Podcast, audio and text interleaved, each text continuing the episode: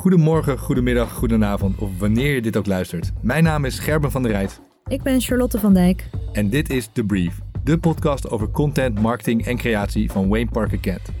Vandaag is Rutger Tuit onze gast en hij is Industry Leader YouTube Agency and Brands.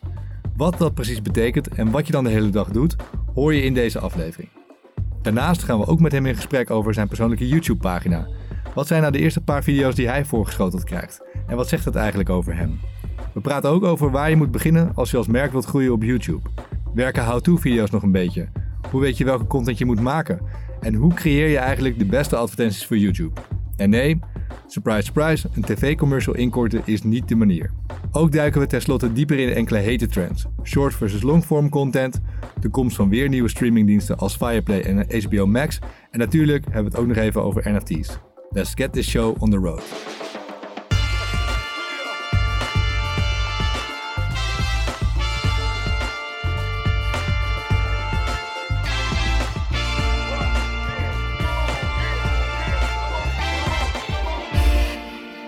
Alright, Jar. Hallo. Daar zijn we weer. Ja. Het heeft even geduurd. We hadden wat, uh, ja, wat coronagevallen die de programmering in de war schopten. Kan nog steeds gebeuren. Het gebeurt, helaas gebeurt dat nog steeds, maar uh, niet getreurd. We zijn, uh, we zijn weer in de studio, we hebben een mooie gast en we kunnen weer een, een nieuwe show opnemen. Heb je er zin in? Ik ben er helemaal klaar voor. Goed zo, goed zo. Nou, laten we dan ook meteen doorgaan naar de gast van vandaag. Uh, want deze man uh, omarmde de e-commerce in 1999 eigenlijk om zijn muzikale ambities te financieren. Hij hing dezelfde ambities in de wilgen in 2007, ging naar KPN om daar senior online marketeer te worden. Maakte toen in 2010 de overstap naar Mac Wavemaker Group M, waar hij het schopte tot Director of Operations. Tot in 2016 Google voorbij kwam, waar hij inmiddels Industry Leader YouTube, Brands en Agency Partners is. Welkom, Rutger Tuit. Hallo. Is dat een correcte introductie? Uh, ja, ja, dat is een correcte introductie. Het voelt toch altijd wel gek om iemand samen te vatten uh, met zijn cv. Maar uh, nee, het is helemaal een correcte introductie op, op werkvlak. Goed zo, goed zo. En buiten werkvlak, je bent weer helemaal genezen en weer 100% hersteld, toch? Ik, ik, voelde me toch een beetje aangesproken toen het ging over logistiek en, en, en corona. Want ja, nee, inderdaad, volgens mij... Uh, was het zo'n drie maanden geleden dat we, dat we gepland hadden. En, en ja. nu zijn we een stukje verder. En uh, zitten we hier. Dus, ja, uh, eindelijk. eindelijk. Drie keer scheepsrecht. Drie keer scheepsrecht. Precies. Vijf keer. En trouwens, in die introductie, het is inderdaad een soort van samenvatting van je LinkedIn profiel en je cv. Maar er zit ook nog wel een klein, klein uitstapje bij wat betreft muzikale ambities en volgens mij een, een andere passie die je hebt. Had. Ja, ja. Nee, ik ben eigenlijk. Ik, ik, we zitten hier in een uh, supermooie studio. En dit is, dit is eigenlijk een beetje. Uh, was dit mijn plan? Dus ik uh, ben eigenlijk altijd met muziek bezig geweest. begon met niet het meest interessante instrument volgens velen, maar het elektrische orgel. Oh, wow. wie kent hem nog? maar wel heel moeilijk. Het is heel moeilijk en heel raar. en, ehm, dus ik ben dat gewoon toevallig gaan spelen, omdat het bij mijn oma in huis stond. En uh, niemand heeft mij tegengehouden van, hey Rutger, misschien als je wat ouder wordt, is dit niet het meest aantrekkelijke instrument uh, en het interessante instrument. Dus ik ben, uh, denk ik, toen ik een jaartje of 15 was of 14 was, overgestapt naar muziekproductie. ben ik vooral hip-hop gaan maken, veel. Um, ja, en, en, eigenlijk dat denk ik tot een jaar, tot volgens mij ongeveer 1998, 99 gedaan. in Hilversum naar de HKU gegaan, een jaartje. En, uh, en, volgens mij was die opleiding nog niet helemaal af. Of ik was nog een beetje te jong om aan zo'n opleiding te starten. En uh, heb toen uiteindelijk ervoor gekozen om, uh, om in e-commerce verder te gaan en muziek echt als hobby te houden. Ehm, ja, zodra je dat eigenlijk doet en, en dan vol aan de bak gaat, dan, ja, dan gaat het wel heel snel van een soort van semi-professionele ambitie naar iets wat je in het weekend doet. En waar met name wel veel vrienden van mij nog in, in verder zijn gegaan. Uh, ook uitstapjes naar uh, hele andere muziekgenres, uh, filmmuziek en, en, dat soort dingen. Ja. Um, maar e-commerce was voor mij dus gewoon, ja, om de dure samplers en mengpanelen en microfoons te kunnen betalen, ging ik in e-commerce aan de slag. Broodnodige ik, inkomsten. Ik got me hooked. Ik vond het eigenlijk heel interessant wat, wat daar gebeurde. Nou, gaan we zo meteen nog wel iets, iets meer over, over horen van je. Om de show te beginnen hebben we altijd een kleine rubriek die heet Beste Content wat is de beste content die jij de afgelopen week, weken hebt gezien en die je met de, met de luisteraar wilt delen? Ehm, voor mij is denk ik, uh, delen het even in twee voorbeelden. Mag ik twee voorbeelden Jij mag twee, twee ja, voorbeelden? Omdat we hier zo lang op hebben gewacht, Ja, mag, daarom. je, mag, Mag jij twee twee voorbeelden delen? mag je delen. Nee, ik, ik denk, ehm, eh, nummer één is denk ik, ehm, er is gewoon heel veel gedoe in de wereld op het moment. En, en, en daarin vergeten we wel eens om alle situaties van meerdere perspectieven te bekijken. Ehm, eh, en, en wat mij daarin altijd heel erg helpt is eh, de humor, stand-up comedians. En, eh, en, en ik kan dus van harte gewoon het, altijd het kanaal van Toomler aanraden. Maar ook van de verschillende stand-up comedians, de, ja, de, de, losse video's op YouTube die ze nu lanceren. Tim Frans had vorige week een fantastisch stuk over ja, hoe we met z'n allen Poetin konden verslaan als Nederland. Eh, ik vind dat altijd heel erg, ja, Ja. gewoon misschien wel het meest, helpt mij ook het meest in mijn werk. Om gewoon even te detachen en, en gewoon eens een situatie van een hele andere kant te bekijken. En Arjen Lubach heeft deze week Exact. een hele, of of ver- Ja. verklap ik nu je tweede tip? Nee, dat was mij Oké. de, die, die, die in het verlengde daarvan. Maar Ja. ja, ja nee, inderdaad. Ik vind het ook geweldig dat die, eh, dat die, dat die stand-up comedy, wat ook een lastig, eh, lastig vak is geweest het afgelopen jaar eh, of jaren, dat hij die ook een eh, zo'n groot platform en podium geeft. Ja. Heel tof. Ehm, en het tweede in die lijn is, ik vind het ook altijd leuk om video's eh, die niet door Nederlanders zijn gemaakt over Nederland te bekijken. En eh, daar had ik eergisteren een voorbeeld. ehm, dat ging eigenlijk over de brilliant infrastructure of the Netherlands. En eh, dat ging enerzijds over de combinatie van fietsen met openbaar vervoer. En hoe we daarmee in zo'n klein land zo enorm eh, mobiel en milieu-efficiënt kunnen zijn. Mhm. Eh, en dat ging ook over weet je, hoe onze steden gemaakt zijn en hoe, wa- waarom we van die kleine huisjes en tuinen hebben met van die grote wegen ertussen. En wat dat uiteindelijk doet voor de kwaliteit van leven versus de, het ontwerp van de grote Amer- Amerikaanse suburb, waar je dan wel een hele grote tuin hebt en een heel groot huis, maar vervolgens de rest van de week in de file staat. Ah, Dus ja. eh, vond ik een leuke video en eh, volgens mij deden jullie die op... eh, Die gaan we kanaal. delen. Ja, dus die zal ik zeker, Zeker, ja. Dit komt in de show notes. Zeker. Char. Ja, ik heb een, eh, iets anders. Ik heb gekeken naar welke campagne stond er, ja, viel mij het meeste op eh, de afgelopen tijd. En eh, misschien is het wel een campagne geweest die jullie in de stad hebben zien hangen. Ehm, ik denk dat het herkenbaar is voor velen. Het is het moment dat je de zon in kijkt en eigenlijk een beetje aan het knijpen begint, ehm, omdat je het allemaal niet meer kan zien. En eh, er is een, eh, een merk, een Nederlands zonnebrillenmerk, Tate, dat daar goed op ingespeeld heeft. Die heeft namelijk een zonnebrillencampagne gemaakt zonder zonnebrillen. En eigenlijk alleen maar gezichten laten zien die de zon inkijken met eh, samengeknepen oogjes. En ja, het is leuk om te zien dat er nog merken zijn die dit durven te doen. Een campagne te maken zonder hun eigen product in het centrum te zetten van de aandacht. En eh, ja, leuk en eh, moeten ze vaker doen. Ik heb hem zeker gezien en hij viel ook wel echt behoorlijk op in de stad. Want eh, ja, ze hingen overal en je, het waren zulke close-up foto's ook dat je er bijna niet omheen kon. Ik weet niet, Rutger zie ik ook knikken, die heeft ze ook voorbij zien komen. Ja. ja.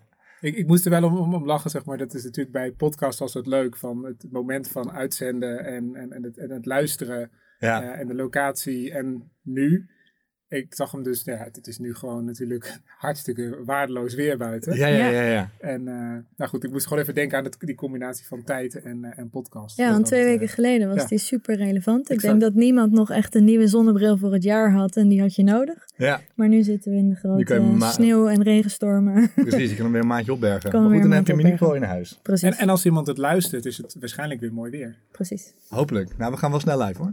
Oké. Ik zou hopen dat het weer zo, zo, zo snel als mooi weer wordt. Eh, maar goeie, Charm, leuk. Heb jij er nog één, Ger? Ik heb er ook een, ja. Ik was, ehm, het is een opvallende, tenminste vond ik zelf. Het is niet per se een, een standaard content dingetje. Eh, maar ik was laatst in de, in de Albert Heijn. En eh, toen, eh, ehm, ik had bier nodig. En ik ben dol op speciaalbier. Dus ik liep naar het speciaalbierschap. En eh, daar viel mij een, eh, een flesje op. Met een eh, opvallend design. Het was van een brouwerij De Eeuwige Jeugd. En die, eh, eh, dat, daar drink ik vaker bier van. De Lellebel is een van mijn, mijn favorieten. Maar ze hadden nu een nieuw biertje. Met een hele opvallende illustratie van een personage. Want dat staat op al hun flesjes. En dat, toen ik dat flesje pakte, zag ik dat hij het Grappie van de Appie heette. Nou, dat deed mijn mondhoeken wel krullen. Ik vond het een mooie naam voor een biertje. En ik dacht ook al meteen, wat een leuke samenwerking. Want het is dus sowieso, samen met de Albert Heijn is dit ontwikkeld. En ik pakte dat flesje, ik nam hem mee en ik, ik draaide hem om. En er bleek achterop ook nog best wel een leuke tekst te staan. Uh, grappie, speciaal biertje van de appie met veel gollen en af en toe een grappie. Nou, en dat, dat gaat zomaar door. Dat ik dacht van, hé, hey, dit is bijna, het lijkt wel een rap. Dus ik ging dat biertje thuis even googlen. En toen kwam ik erachter dat uh, het niet alleen een samenwerking is van Eeuwige Jeugd en Albert Heijn, maar ook met rapper Donny. Dus ik vermoed dat rapper Donny verantwoordelijk is voor deze, uh, voor deze tekst op de fles. En daar hebben ze samen ook nog een, een kleine korte videoclip bij gemaakt. Om dat nummer, dus het is een heel nummer omheen gemaakt. Met raps van rapper Donny. En uh, ja, ik vond het een mooie samenwerking. Een groot merk als Albert Heijn, die dan zo'n zo'n kleine lokale brouwerij kiest om een, om, om een biertje mee te maken, te brouwen. En daar dan ook nog een, een rapper bij, uh, bij haalt om dat te introduceren. Ik vond het een, uh, een, een leuke, toffe, gewaagde ja, collab van, van Albert Heijn en de Eeuwige Jeugd. Ja. Mooi. En lekker bier. Niet onbelangrijk. Ja, dat wilde ik eigenlijk vragen. was het ook nog goed te drinken? Het was zeker goed te drinken. Het was zeker goed te drinken. Um, nou, mocht je deze uh, samenwerking van Albert Heijn, Eeuwige Jeugd en rapper willen terugzien, dan kan je naar thebrief.nl. Daar vind je onze show notes. Daarin staan ook de beste content tips van, uh, van Charlotte en van Rutger. En uh, vind je ook alle andere leuke dingen die wij gaan bespreken in de rest van de show. mocht je ons een review willen geven, dan kan het op apple.nl. Maar dan gaan we nu door met het eerste deel van het interview. Oké, Rutger. Jij bent, ik stelde je net voor, jij bent Industry Leader YouTube, Brands and Agency Partners. Dat klinkt uh, best als een belangrijke baan, maar wat doe je precies?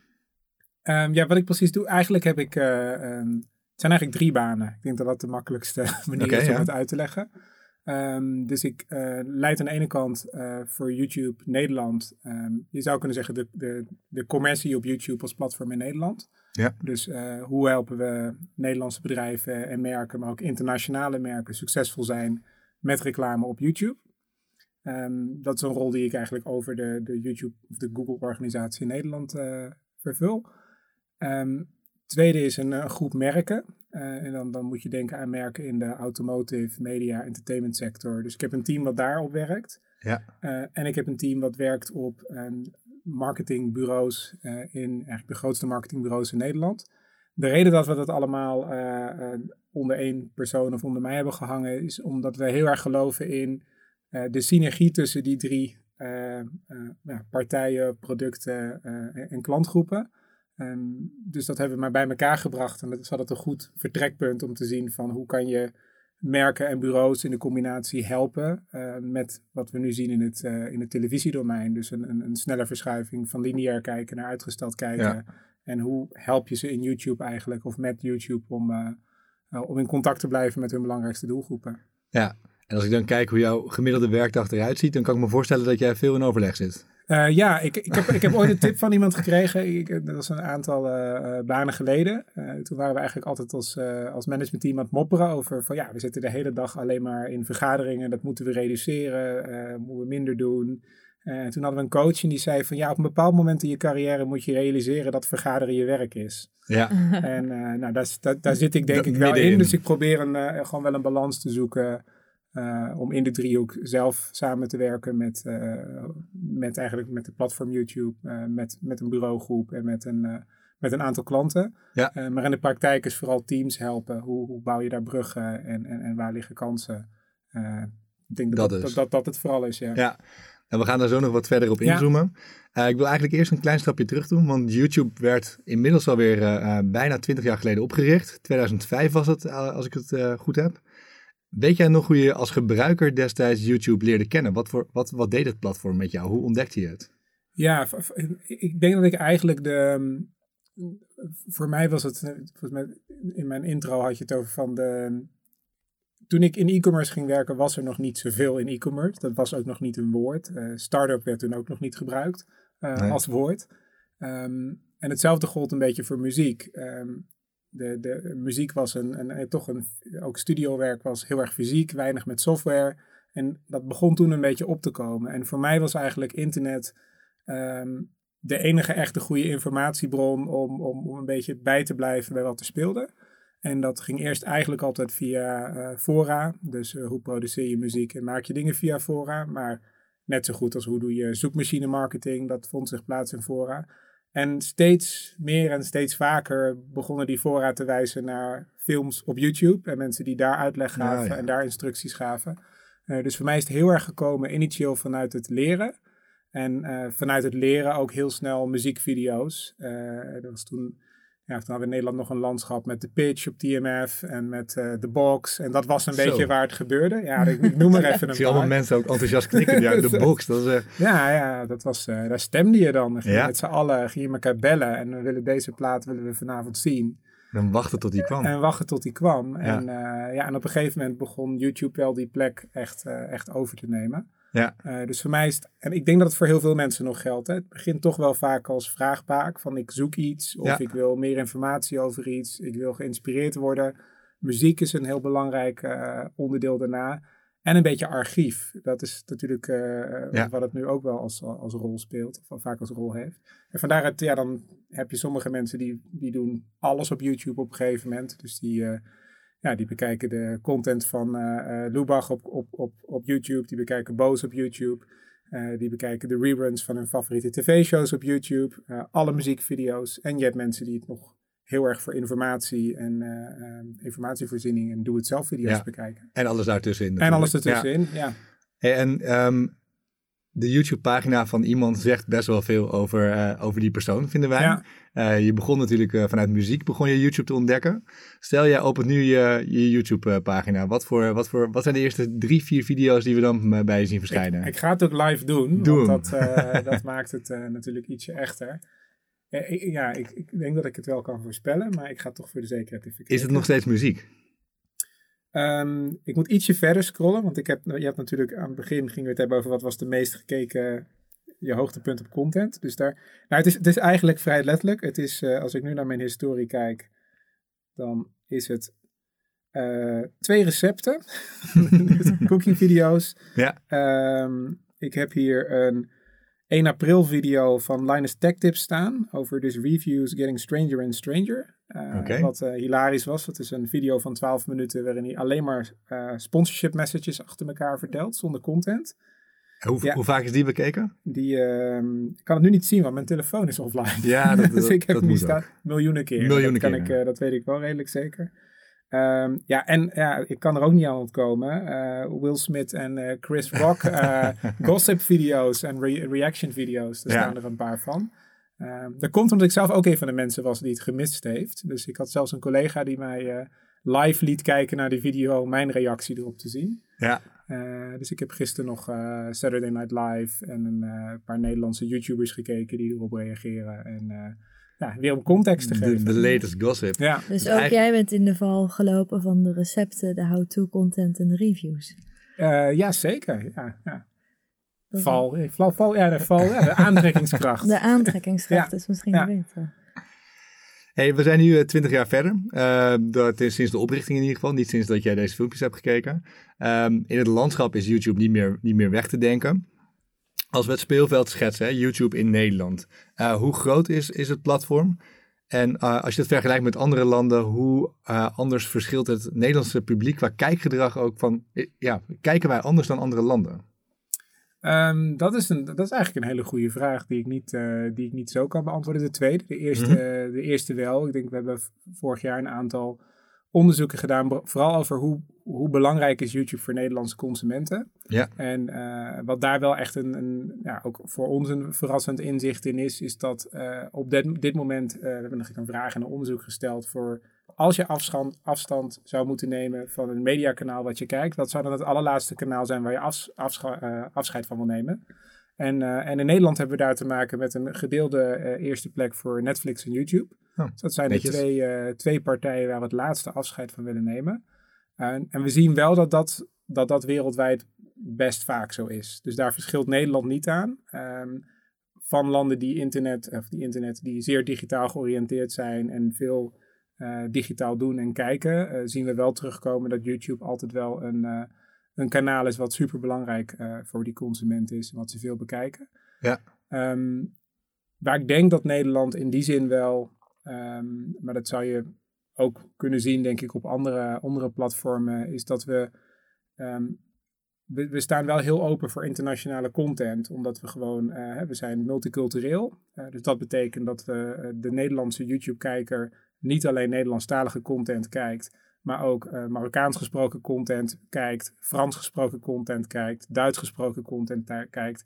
En, uh, en Poolse content kijkt. Daar zijn we, uh, dus, dus echt een weerspiegeling van, uh, van ja, de Nederlandse samenleving zie je ook terug in het kijkgedrag.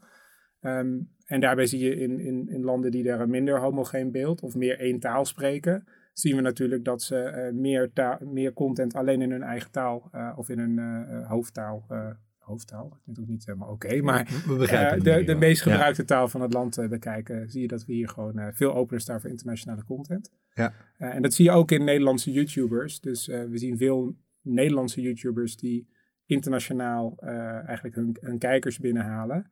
En op dit moment is het zo dat ongeveer 75% van de kijkers van wat in Nederland gemaakt wordt uit het buitenland komt. Oh, wow. Uh, dus dat laat ook zien hoe belangrijk uh, dat internationale bereik voor YouTube juist voor Nederlandse makers is. Um, ja, dus ik denk dat, dat daar een uh, verschil in zit. Ja. En wie zijn dan de grootste internationale... Ik zou zelf wel Nikki Tutorials kunnen opnoemen. Nou ja, je, je, twee natuurlijk duidelijke voorbeelden of die veel mensen wel kennen zijn Davina Michel en Nikki Tutorials. zijn natuurlijk enorm. Um, en we hebben een, um, en, nou is het heel lullig dat ik steeds, ik ben heel slecht in namen. Met name als iemand een voor- en een achternaam heeft, heeft die allebei voornamen zijn. Maar er is een uh, Nederlandse gitaar-YouTuber.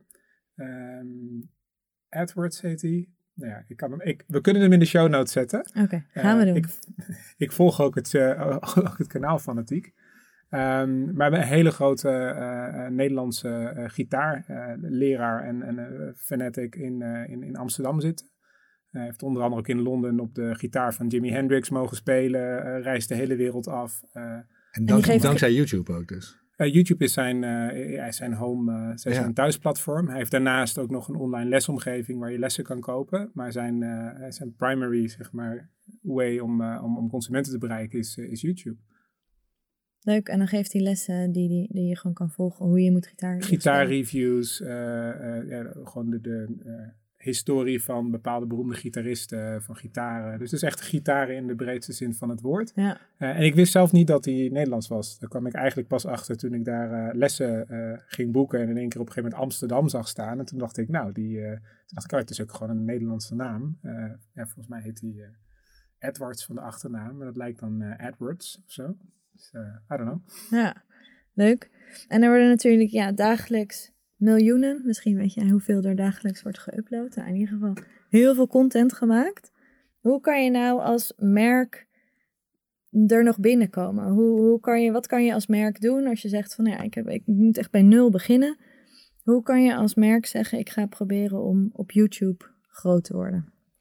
Nou, ik denk, kijk, als het doel is groot worden, dat, dat, dat is het vertrekpunt van we moeten, we moeten groot worden en je hebt alle vrijheid die er is uh, dan kan je natuurlijk beginnen door te kijken naar uh, waar is vraag naar. Uh, dus je kan een, tool als Google Insights gebruiken of Google Trends gebruiken om te kijken naar wat, welke dingen spelen er in een markt. En, en, en, dan kun je kijken naar is daar aanbod binnen YouTube. Dat is natuurlijk één, een, ja, die voor alles geldt. Um, maar dat, dat betekent wel dat je moet maken waar vraag naar is en niet moet maken waar je merk voor staat. Ja. Ik denk dat dat een, een, lastige, een lastige is. Um, neem als voorbeeld een, een, een, ehm, een uh, Intergamma of uh, Karwei. Um, het is natuurlijk voor een bouwmarkt is het domein van uh, mensen leren om zelf klussen op te knappen of zelf klussen te doen in het huis. Dat is natuurlijk een, een domein waarin je wel degelijk heel aanwezig kan zijn. Ja. er is zoekvolume, er is vraag naar die how-to video's. Dus how-to video's zijn altijd populair. Ja. Als je dan ook iets van waarde kan bieden voor consumenten, dan kun je daar groot worden het, het gekke is, ik, ik zat volgens mij een uh, uh, half jaar geleden um, bij een podcast die, die echt gericht was op, uh, op, op MKB en, en, en kleinere adverteerders en startende ondernemers. Um, en die zagen YouTube toch nog wel heel erg als televisie adverteren. En wij doen ook geen adverteren op televisie. Wat, wat, wat kan ik daar nou eigenlijk bereiken? En, en ik denk dat je dan dus een beetje de kracht van het platform uh, overstaat. Er is zo enorm veel zijn zo enorm veel kijkers. Uh, er, zijn, er is zo'n enorm zoekvolume. Er zijn zo enorm veel onderwerpen. Um, en de cost of entry om gewoon te beginnen zijn, zijn niet heel erg hoog. Je hoeft niet direct te starten natuurlijk met een, um, uh, met een, rec een reclameblok en een spot die heel duur is. En ja. je kan gewoon starten, experimenteren, het groter maken. En, ehm, eh, en heel veel opties heb je qua formats om dat te doen. Ja. Dus het is eigenlijk uh, begin maar. Ja. Maar uh, probeer te starten naar waar consumenten vraag naar hebben. ik denk dat dat altijd het belangrijkste is. Ja. En, en als je het echt als maker doet, als je echt zegt van ik ben muzikant of creatief. Ja, het is altijd een lange adem. Het is, dat, dat, het is niet zo dat het op YouTube Um, het is anders om door te breken dan hoe je anders doorbreekt. Maar het is niet dat je als muzikant op YouTube vanzelfsprekend doorbreekt. Je moet nog steeds gewoon steengoede muziek maken. Blijven proberen, blijven releasen. Uh, en, en daar zie je wel voorbeelden van artiesten die nou, bijna een, een library van, van vijf tot zes jaar aan, aan, aan muziekvideo's hebben staan. Van vijf tot zesduizend views per video. Maar pas het moment dat ze dan een nummer hebben wat doorbreekt, dan in één keer uh, worden die andere video's een miljoen keer per stuk gekeken. Ja. Dus er is niet een, uh, een, een, een, logische volgorde van gouden formule. Behalve dan uh, volg je hard, maak mooie content, speel in op wat consumenten zoeken en willen weten. En, en be patient en persistent en ja. Dan gaat het lukken. Kan het lukken. Dan kan het lukken. En, en wat zie je dan aan content die populair is voor bedrijven? Als in welke categorieën trekken bij merken bijvoorbeeld de meeste kijkers? Um, ja, dat, dat, dat is, dat is uh, letterlijk heel breed. Neem een merk als Red Bull, wat natuurlijk fantastische content uh, gewoon in het hart van het merk kan maken. Van, uh, ik vergeet nog steeds waar die man vanaf is gesprongen, uit die luchtballon is gesprongen. van wat ze op Formule 1 doen, um, wat ze met motorraces, vliegtuigstunts doen is natuurlijk één uiterste. We hadden het net over de do-it-zelf video's. Hoe isoleer je een dak? Ja. dat, is een, dat is een ander uiterste. Ik zag dat er nu een video van Tesla, van de opening van de fabriek in Berlijn, helemaal viraal aan is gaan. Waar iemand met een drone, ja, ja onvoorstelbaar, met een drone door het hele fabrikageproces heen vliegt. Tussen de machines door, tussen het dichtslaan van een pers. Ja, dat, dat is natuurlijk waanzinnig. En uh, ja, wie weet is dat, uh, blijkt dat over een maand uh, de volgende hit te zijn geweest. Ja. Um, en, en denk ook aan um, makers, zoals Mr. Beast is natuurlijk gigantisch um, op, op, op YouTube. Ja, dat, dat is niet iemand die voor de lol die video's maakt. Dat doet hij ook wel een beetje, maar die is gewoon een nieuw mediabedrijf aan het bouwen, waarin hij eigenlijk elke euro die hij verdient met het platform direct weer stopt in het bouwen van een nog grotere following en, en nog grotere uh, stunts en acts en, uh, en producties. Uh, ja, ik denk dat van hem inmiddels iedereen de um, Squid Games, de, de real life Squid Games video wel kent. Volgens mij is die 250 miljoen keer bekeken inmiddels. Het is onvoorstelbaar. Nee, dus ik heb geen idee. Nee, sorry. Nou, dat is, dat is dus ook in de show notes. Ik maar, zat in een andere bubbel, denk ik. Ja, maar dit is een, een independent creator die een, die een productie, volgens mij heeft hij het gedeeld in in een podcast laatst gewoon zelf een productie van 5 tot 6 miljoen dollar heeft gefinancierd. Uh, waarin hij gewoon de volledige set van Squid Games heeft nagebouwd en het in het echt heeft nagespeeld. Um, en dan de winnaar ook 6 ton heeft uitbetaald of iets dergelijks. Dus waanzinnig grote vet, producties.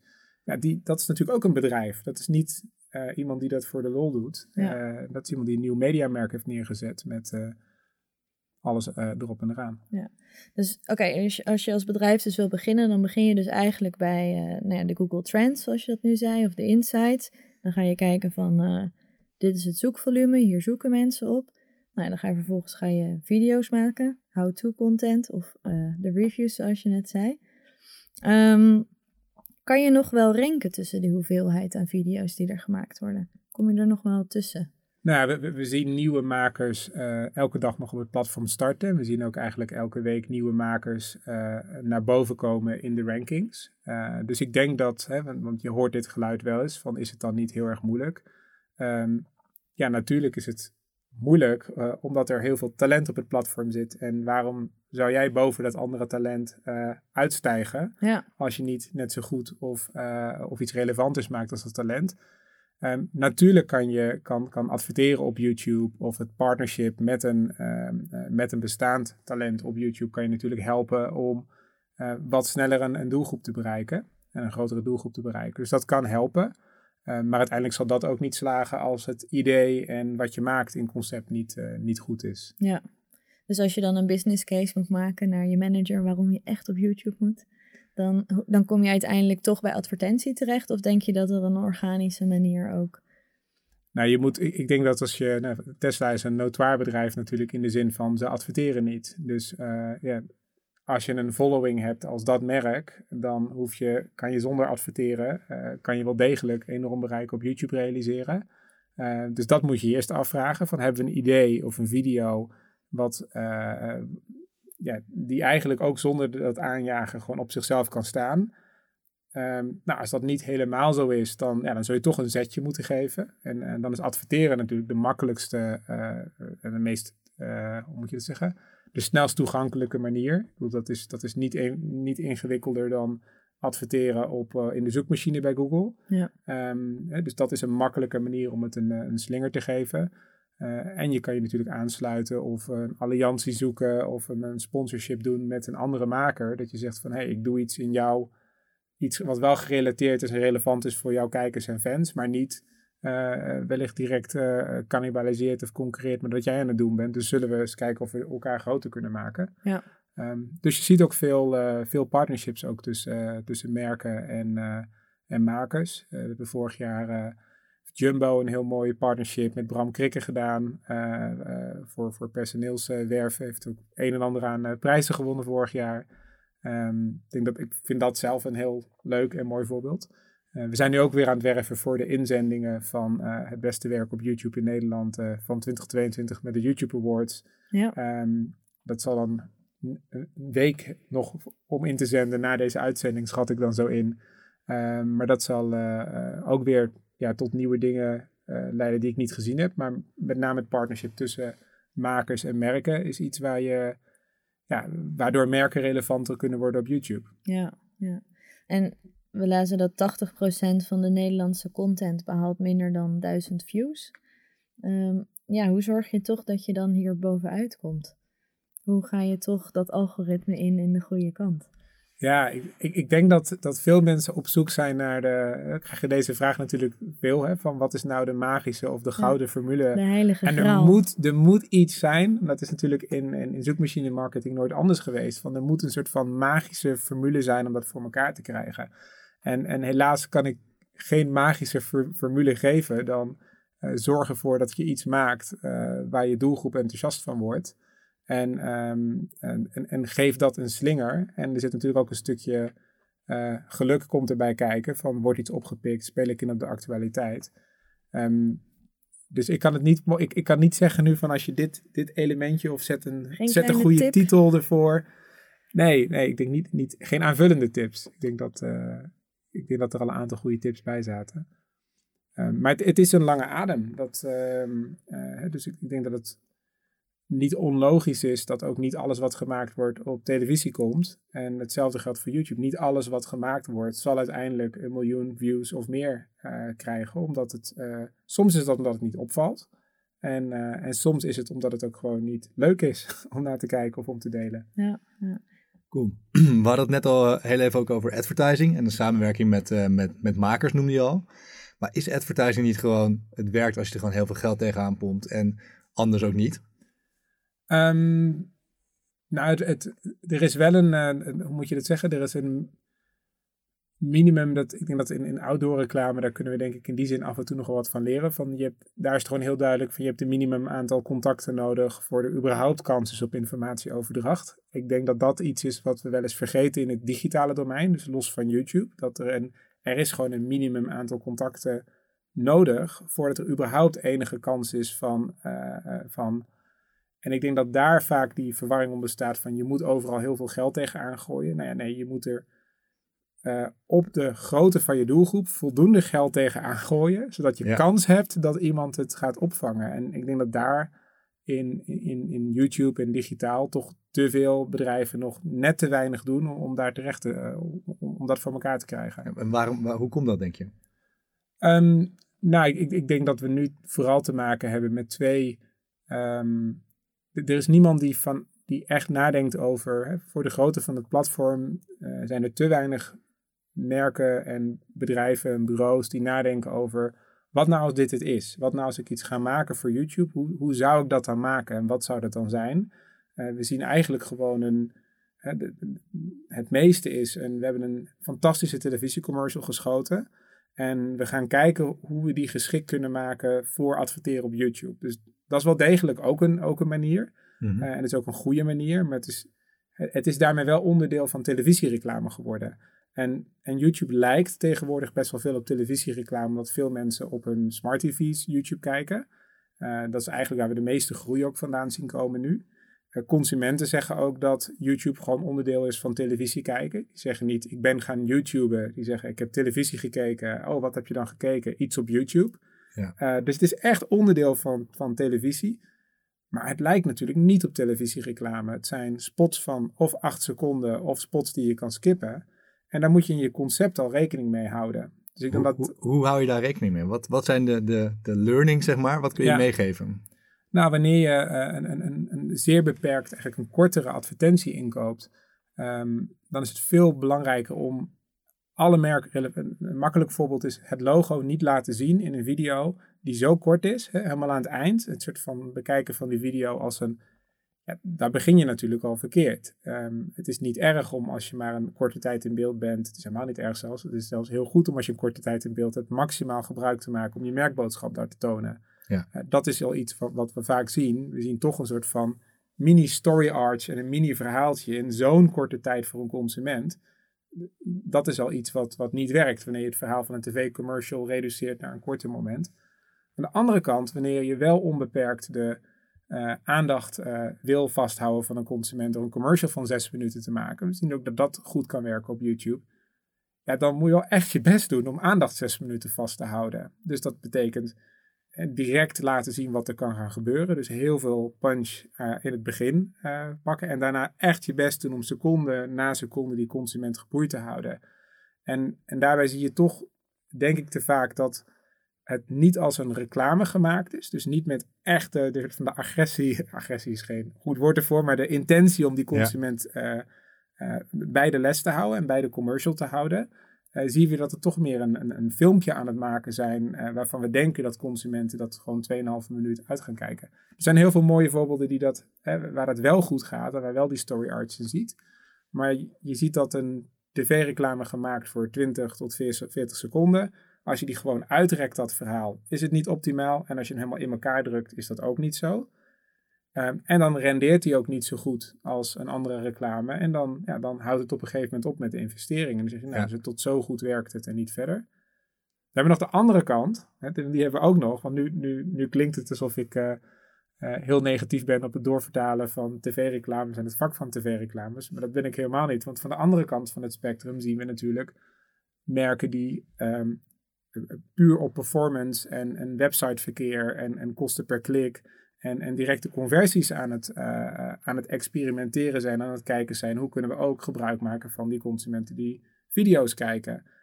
En, en dat is bijna het andere uiterste. Daar is het alleen maar product, alleen maar eh, eh, call to action, alleen maar prijs. Ja. eh, waarvan we ook weer zien dat werkt niet optimaal. Dus ja, de, het, het, het helemaal opnieuw Is beginnen. het niet zo makkelijk dan, als ik het zo hoor?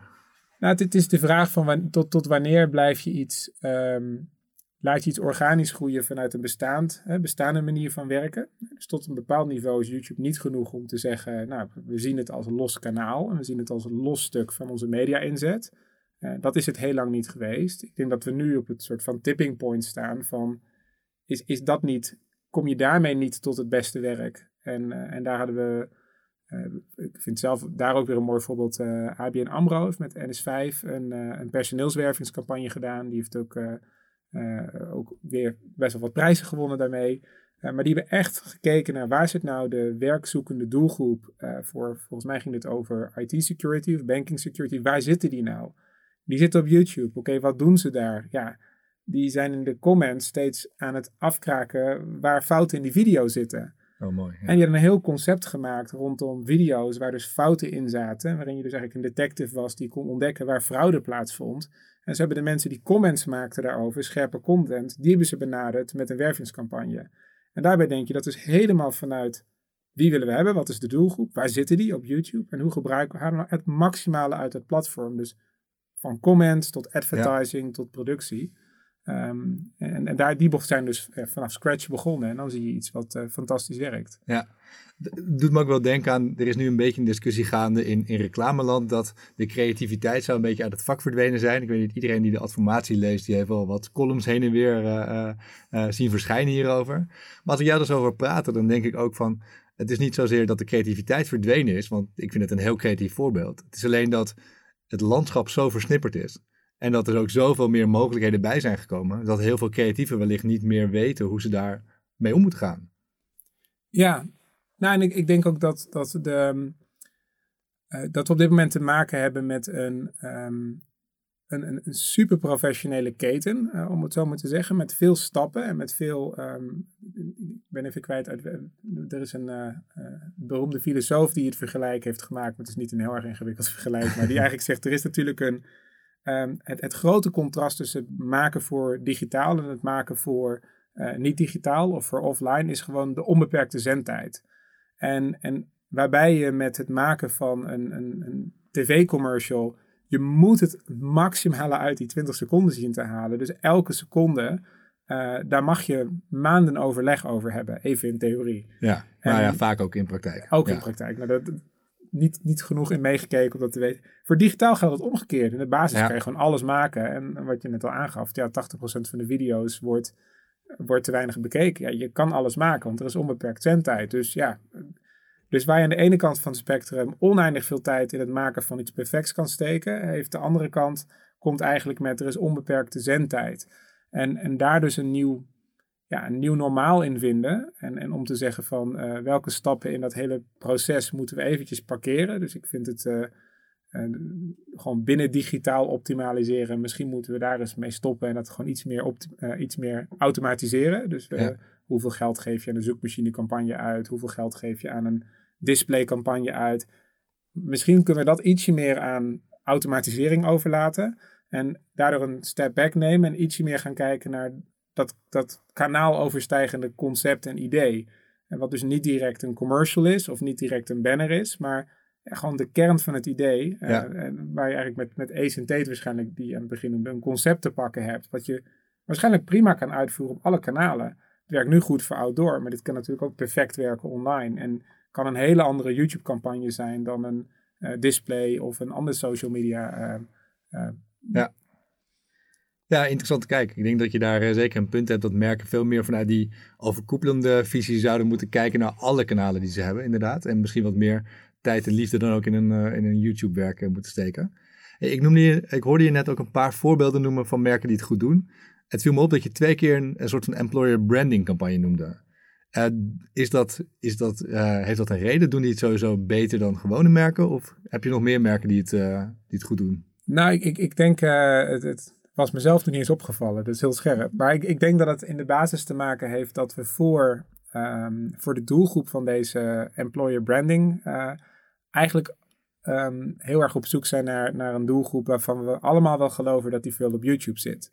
Dus ik denk dat het heel erg in ons systeem zit. Op het moment dat we campagnes gaan, gaan doen voor mensen die tussen de 20 en, en 35 zijn, dat we direct denken, nou, die zullen dan wel heel veel op YouTube zitten. Ja. Dus logischerwijs beginnen we met het nadenken over een YouTube-campagne. Um, ik denk dat het daardoor komt dat we veel werk uh, en veel mooi werk uh, zien uh, vanuit employer branding. Um, echter, dat, dat is niet een, een hele goede kijk op de werkelijkheid, omdat we in alle doelgroepen zien dat, dat, dat YouTube heel erg groot en belangrijk is geworden.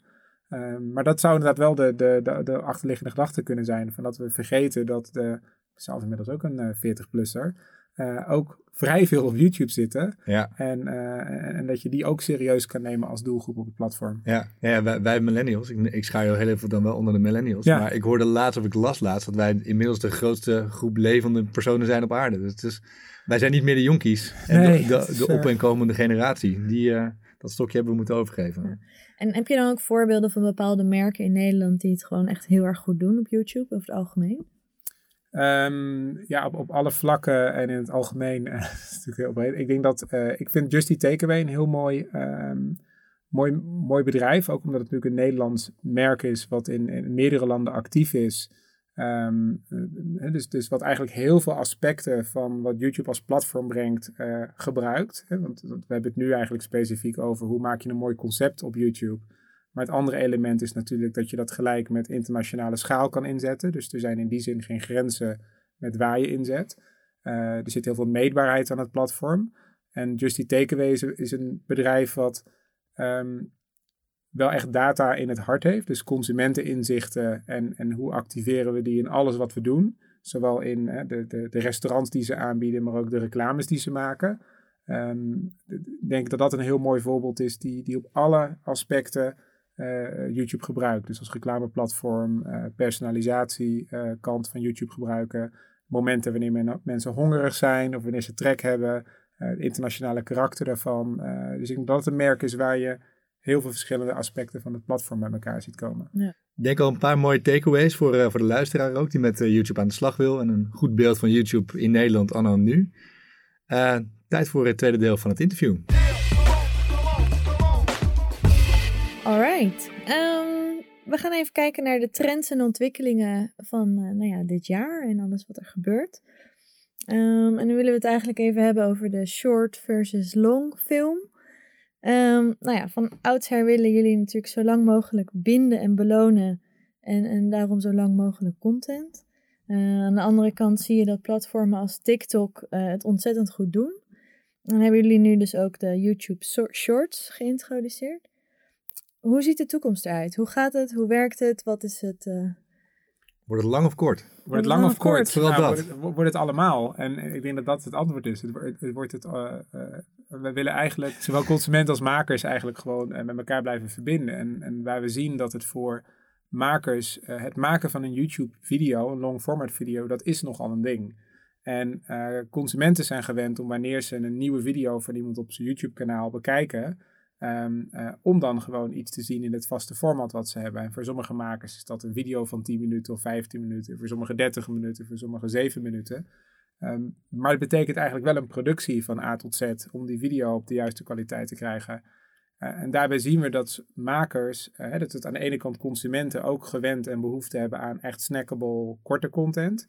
en dat makers ook de behoefte hadden om ook iets snels te kunnen maken. En, en snels te kunnen zien in glimps van een ochtend. En eh, en, en, dat is waarom we shorts hebben gelanceerd. Om die consument die, die wel degelijk kortere content wil zien en, en de kwaliteit daarvan accepteert. Plus makers die een, een, middel geven om toch ook in een ander format hun, uh, hun volgers uh, up-to-date te houden of uh, video's willen tonen. Ja, en we zien dat die, die shorts worden natuurlijk een beetje gepusht in het platform. Tenminste, het krijgt een prominente plek in het, ja, best wel een beetje, prominente plek binnen het platform hoe kan je daar als merk mee omgaan? Kan je de, de video's die je nu hebt het beste uh, inkorten en, eh, en het ook als snackable content? Of zeg je nee, dat moet echt helemaal unieke content zijn die je niet als een, een long hebt? Nou, ik, ik denk dat dat, dat dat een beetje aan de creativiteit nu van de makers is. Het is nieuw, het zit, uh, het zit, het zit nog recent, het is nog niet zo heel lang in het platform. Dus wij leren ook nog van, van en, maar makers leren net zo van wat werkt. Dus ik heb in mijn timeline een aantal makers zijn die gebruiken het echt om een teaser van hun longformat video's in te zetten. Ja. dus die hebben iets al gemaakt en die maken een verkorte versie met een ja, soort van teaser voor hun volledige video. Ja. Maar we zien ook makers die ja, gewoon uh, letterlijk uh, goedemorgen, ik ben net wakker en vanmiddag komt er een video of, of niet eens dat. Gewoon ik ben wakker en dat wilde ik graag met jullie delen. Um, en we zien dat alle, alle drie de varianten, dus de teaser, uh, de korte video en, uh, en, en, een beetje de, de, de, de verwijzing naar later, uh, dus ook een beetje een teaser, maar dan gewoon zeggen dat er een video aankomt, dat alle drie de dingen, dat mensen daar naar kijken. Ja. Dus er zit niet een, een winnaar in of een duidelijke van zo moet je het doen. Nee. Um, nou denk ik dat je als als merk ook met een korte, korte video dus wel relevantie moet bieden. Dus ik denk dat het voor een merk iets moeilijker is om een uh, video te maken van, uh, nou, goedemorgen, de winkel is weer open. Ja. ik denk niet dat dat per se... De, de lokale bakker misschien. Misschien de lokale bakker, uh, maar dat dat niet het ideale middel is. Um, terwijl dat voor een, een creator wel kan werken. Ja, ja precies. En, en hoe werkt dat nu met die YouTube Shorts? Zie je echt dat het een aanjager is ook? Of dat er nu gewoon veel meer engagement is op die shorts dan eigenlijk misschien de longs? Of valt dat eigenlijk nog wel mee? Mm, volgens mij heeft dat, heb ik nu geen, uh, uh, geen, geen direct, zeg maar, antwoord, directe blik op. Ik denk dat we wel zien dat de makers die shorts gebruiken en die dus op deze pilot manier gebruiken, dat je ziet echt dat die veel views ook op die shorts krijgen. en nog steeds veel views op hun video's houden.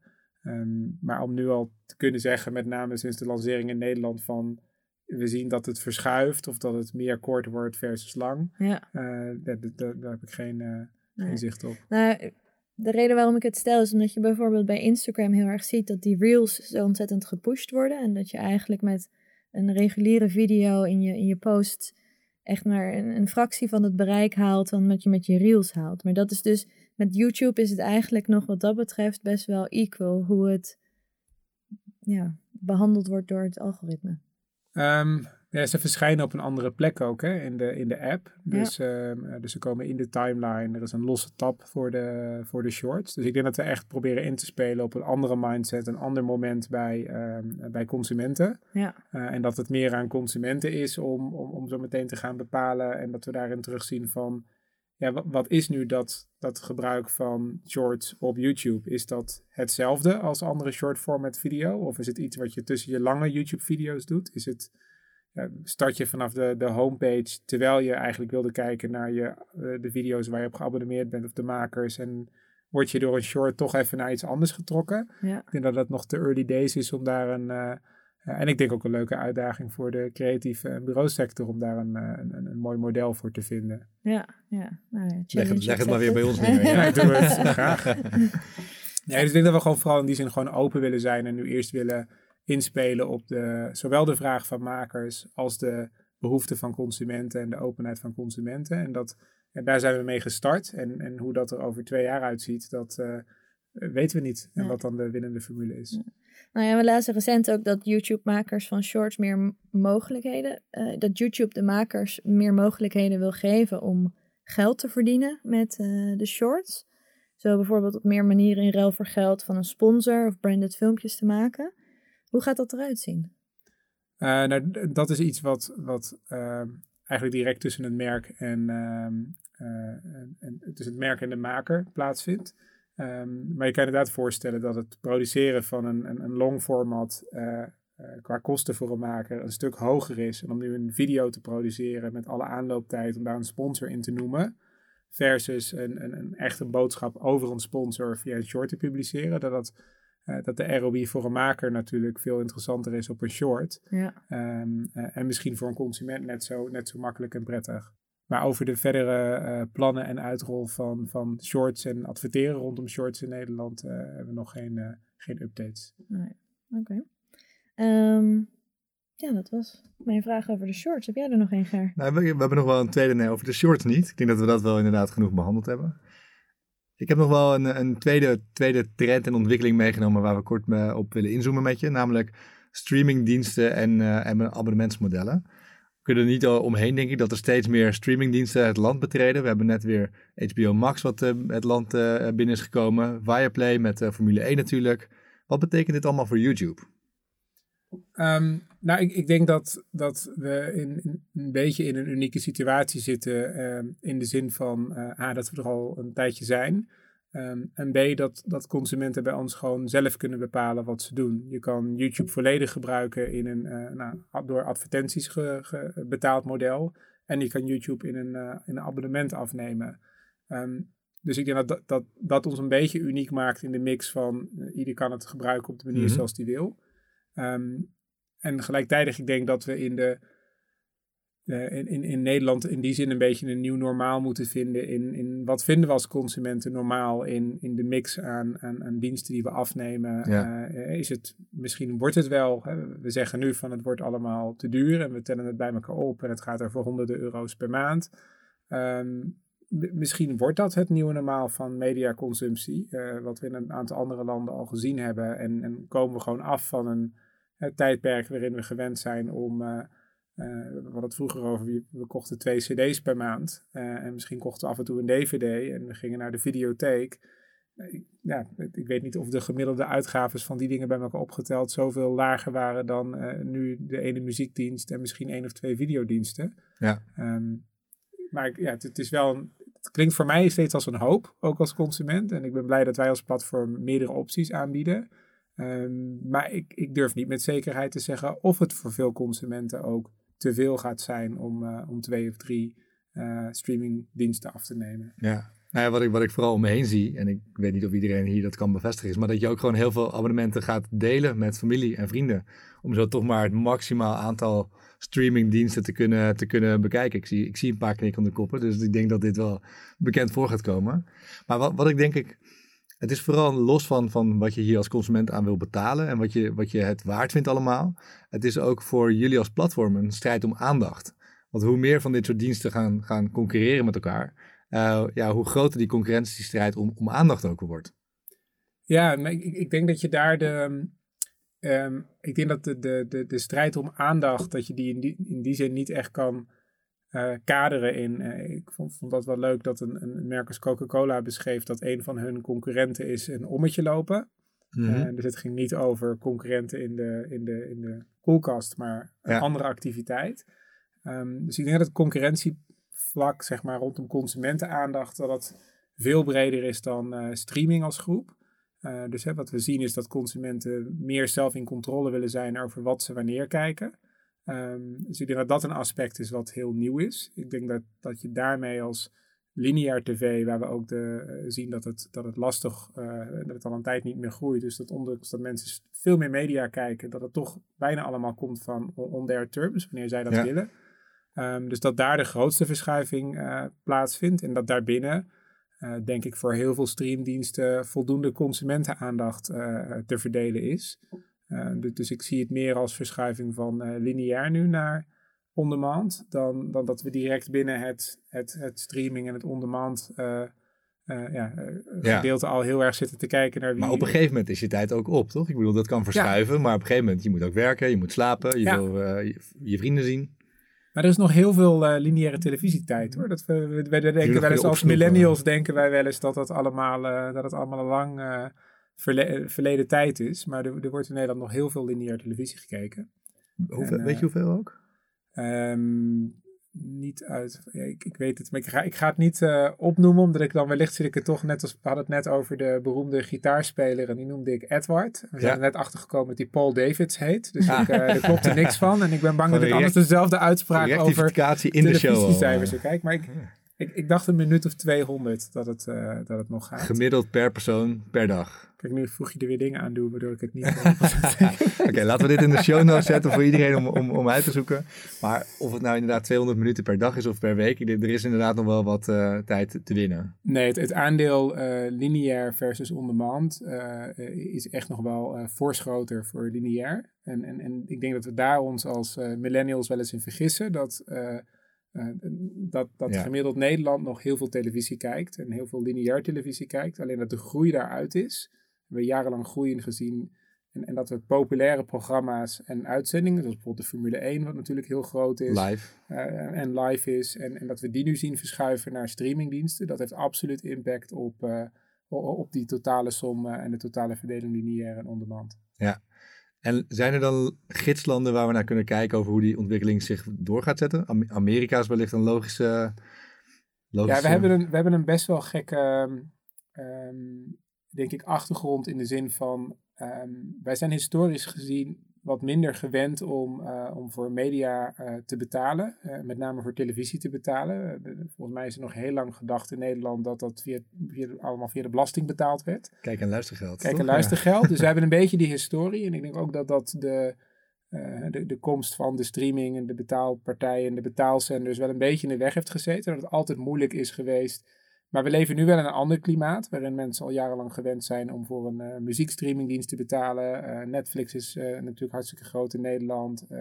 we zien ook betaaldiensten van de, de, de ik noemde het HBO, Disney, Amazon Prime. We hebben Videoland. we hebben een aardig palet inmiddels aan NLZ, vergeet ik af en toe. En binnenkort moet je ook voor podcast betalen. De podcast niet er voor, ook nog niet bij. voor deze, beloven we. Maar, dus ja. ik denk dat dat in korte termijn nu zo gaat veranderen. Um, maar dat we niet echt een kopieland hebben waarvan ik denk, ja, we houden van internationale content. We zijn niet echt gewend om historisch gezien voor dingen te voor content dan te betalen op televisie, maar misschien ook wel weer wel. Dus misschien is het leuk om daar een uh, onderzoeker of zo voor uit te nodigen die daar heel erg uh, ingedoken is. Ja. Zou dat van een leuk onderzoek zijn? Een oproep bij deze. Meld je bij de Rutger en uh, we zijn benieuwd naar de uitkomsten. Ja, zeker. We hebben eigenlijk nog één laatste trend en ontwikkeling die we met je willen bespreken. We kunnen natuurlijk, het is 2022, we kunnen geen interview in, de, in, in, deze industrie afnemen zonder het woord NFT te noemen. En we lazen ook dat de Chief Product Officer van YouTube, Neil Mohan, heeft aangegeven dat YouTube het nog dit jaar mogelijk wil maken voor makers, videomakers, om hun werk als NFT te verkopen. Hoe, hoe gaat dat er precies uitzien?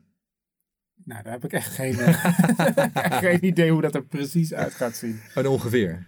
En ongeveer, uh, nee, ook, ook niet direct. Kijk, ik denk dat, um, ik denk dat het voor de creatieve sector in het digitale domein niet altijd even makkelijk is geweest om, um, uh, om, om uh, geld te verdienen aan wat je maakt en om, om te beschermen wat je maakt. En, en ik denk dat NFT in de breedste zin van het woord op digitale platformen een, een, een, kans kan zijn om, om dat op te gaan lossen. Um, als je aangeeft, het is een aankondiging van onze Chief Product Officer, uh, die nog uh, relatief, hè, die meer de ambitie uitspreekt van dat we zullen onderzoeken en zullen gaan kijken hoe we NFT's op het platform bruikbaar gaan maken voor makers. Maar hoe dat er uh, met name je, je, je, toevoeging in detail uit gaat zien in Nederland, of precies. Nee, dat, dat weet ik ook nog niet. Maar YouTube maakt het natuurlijk ook door, door delen van advertentieinkomsten. Was het als maker ook al best wel ja, mogelijk om te verdienen aan je content, toch? Wat, wat voegt zo'n NFT dan toe? Nou, ik, ik denk waar we uh, adverteren is, is één van de inkomstenbronnen. Er zijn uh, zo'n tien manieren om geld te verdienen hè, met, met YouTube. En je ziet ook een hele diverse mix bij makers over hoe ze dat doen. Er zijn makers die volledig leven van advertentieinkomsten op een, op een geschaalde manier. Dus die, die gewoon door, door Google en door bureaus en door klanten zelf ingekocht worden en gebruikt worden. je hebt makers die een mix doen van eigen merchandise, eigen producten. Uh, en, en je hebt ze die sponsorships doen, dus die unieke content maken. Uh, Je hebt ze die weer paid channels buiten YouTube live zetten, wat we ook veel bij podcasts natuurlijk zien. Dus het is in die zin meer een, een, een, ja, een verzameling, een, een, toevoeging aan de mix. En, en, dat wil je makers zo makkelijk mogelijk maken. en wij willen daar zo, zo, zo goed mogelijk bij helpen, zodat zij ook liever uh, iets op YouTube natuurlijk gaan maken. En dat wij ze er goed bij helpen om daar geld aan te verdienen. Dan uh, dat ze daarvoor moeten uitwijken naar andere platformen. Ja. En, en, kom jij er in je dagelijks werk met, met bijvoorbeeld agencies en creatieve acht, veel, kom je het veel tegen dat er bijvoorbeeld werk gedupliceerd wordt of dat er werk gestolen wordt, waar natuurlijk de NFT's ook een, een rol in kunnen spelen? Mm, ik zie dat in, de, in, in, in mijn, zeg maar, uh, in mijn field zie ik dat bijna niet gebeuren. Ik, uh, ik vraag me wel eens af of bepaalde commercials niet heel erg veel op elkaar lijken. En of daar een concept misschien uh, twee keer is gebruikt. Maar dat, dat ligt nog steeds ver genoeg uit elkaar om dat met een NFT te, uh, te, gaan, uh, te gaan beschermen. Ja. Alright, dan zijn we aan het einde gekomen van het interview, Rutger. Dankjewel voor je tijd. Graag gedaan. Eindelijk was het zover. We hebben er drie maanden op mogen wachten. Maar dank voor het gesprek en goed dat je naar de studio bent gekomen. Char, Dankjewel. Jij ook bedankt. Jij ook. We gaan nu gewoon weer een normale programmering aanhouden, oké? Ja, één keer in de twee weken. Eén keer in de twee weken. De volgende gast staat al op de planning. Dus uh, ja, hou onze, uh, onze kanaal in de gaten. Deze aflevering uh, heb je al gehoord. Eh, ben je nou benieuwd naar wat er allemaal gezegd is? het werd al een paar keer geroepen. We hebben ook show notes. Die zijn te vinden op thebrief.nl. de brief wordt gemaakt door Wayne Parker Kent. De productie was vandaag in handen van Guido Wiegers. De redactie was van Olaf Deben. We waren in de studio van De Smet onze mediapartners is Immers en we zijn dus over twee weken weer terug. Tot dan. Doei.